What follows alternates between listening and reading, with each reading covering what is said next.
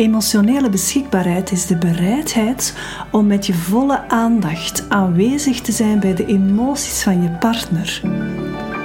Welkom, ik ben Annemie en je luistert naar Amami Moments, een podcast over liefde vinden, duurzame relaties en het vrouwelijk ondernemerschap.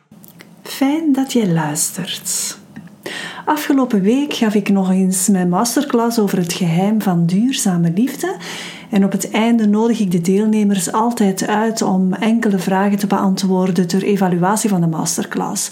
Wat ze ervan meenemen, waar ze mee aan de slag gaan en of ze nog vragen hebben. En het is echt een leuke en een goede manier voor mij om te ontdekken wat er leeft bij de deelnemers. En dan kan ik de masterclass hier en daar nog wat fine-tunen. Een van de reacties vorige week kwam van Els en ze schreef, en ik neem het er hier even bij.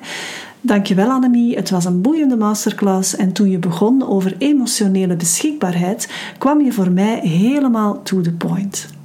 En ik krijg wel eens vaker opmerkingen over hoe eye-opening het herkennen van emotionele beschikbaarheid is als je in het datingproces zit. En daarom dat ik dat hier ook in mijn podcast even duidelijk wil maken.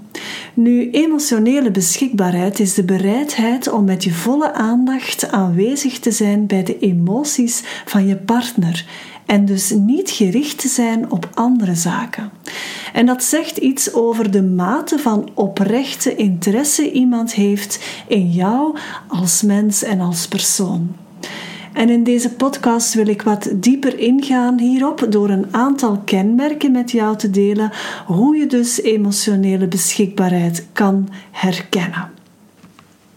Ten eerste, iemand die emotioneel beschikbaar is, die doet wat hij zegt. Dus als hij bijvoorbeeld zegt dat hij jou gaat bellen, dan doet hij dat ook. Punt. En ik weet dat het leven gebeurt en er kan al eens iets voorvallen waardoor dat, dat dan toch niet lukt. Maar typisch voor emotioneel beschikbare mannen is dat die dat dan gaan verduidelijken. Hoe het komt dat ze dan toch niet gebeld hebben. En ze zullen zich daar dan ook voor verontschuldigen. En dat brengt mij tot het tweede kenmerk. Er is een verschil tussen een excuus maken en oprecht verontschuldigen. Excuses zijn vaak uitvluchten om je ergens uit te praten en te verantwoorden waarom je iets wel of niet gedaan zou hebben. En dan schuif je de verantwoordelijkheid af of op iets of iemand anders.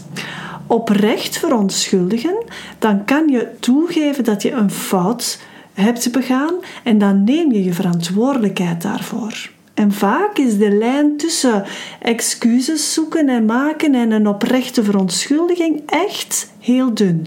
En door de manier waarop iemand spreekt, bijvoorbeeld, kan je daar.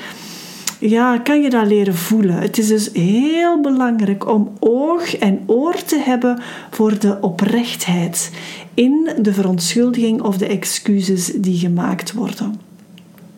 Een derde kenmerk van emotionele beschikbaarheid is dat die persoon open staat om niet alleen jou te leren kennen, maar ook het leven dat je leeft. Dat wil niet zeggen dat je meteen ja, je kinderen aan elkaar moet voorstellen, maar je praat wel over de kinderen bijvoorbeeld. En er is oprechte interesse in je werk of in je familie, in je broers en je zussen. En dat zijn heel belangrijke zaken waardoor je een onderscheid kan maken tussen iemand die echt emotioneel beschikbaar is en interesse toont in het geheel van wie je bent en jouw leven en iemand die misschien alleen maar uit is om jou tussen de lakens te krijgen. Een ander typisch kenmerk van emotionele beschikbaarheid is authentiek luisteren. Dat wil zeggen dat je echt hoort wat iemand zegt. En vaak houdt dat in dat je de emotie van woorden opvangt. Dat je met andere woorden tussen de lijntjes luistert. Het is niet voor iedereen altijd even gemakkelijk om de juiste woorden vloeiend uit te spreken als het over emoties gaat of over ervaringen gaat die we bijvoorbeeld moeilijk vinden. Door echt ruimte te geven aan iemand om op verhaal te komen en actief aanwezig te zijn en echt geduldig te luisteren, geef je ruimte om diep te verbinden met elkaar. hoe moeilijk het onderwerp misschien ook is en hoe confronterend het misschien kan zijn. Nu, er zijn zeker nog heel wat andere kenmerken. Ik heb trouwens een masterclass waarin ik 18 triggers bespreek hoe je emotionele onbeschikbaarheid kan herkennen bij iemand. En als je daar interesse in hebt, stuur mij dan zeker een berichtje via Instagram of klik op de link bij deze podcast om meer info hierover te ontvangen. Wat ik minstens even belangrijk vind bij het herkennen van emotionele beschikbaarheid, of uiteraard onbeschikbaarheid, is dat je de blik op zijn minst ook wel even naar binnen richt. Zeker als je steeds op emotioneel, onbeschikbare mannen beter blijft vallen, is het goed om jezelf de vraag te stellen in welke mate jij zelf mogelijk soms emotioneel niet beschikbaar bent. En een vraag die je jezelf kan stellen is of er een deel of een aspect in jezelf is dat emotioneel niet beschikbaar is. Er is misschien een deel in jou dat niet helemaal klaar is voor een relatie. Of bewust is van wat een relatie echt van jou verwacht. Want in een relatie heb je beiden een verantwoordelijkheid. Het kan niet allemaal van één kant komen. In welke mate doe jij altijd wat je zegt, bijvoorbeeld? Of ben je in staat om ruimte te geven aan je partner om hem of haar echt te laten zijn? Vaak gaan we onbewust vanuit geïnstalleerde patronen reageren op bepaalde triggers. Of we reageren vanuit onze pijn en zetten een masker van machteloosheid op dat zich uit door bijvoorbeeld kwaad te worden, door je eigen gevoel te saboteren, of door de ander te willen overroelen in een gesprek, of de ander kleiner te gaan maken. We projecteren onze eigen pijn op de ander.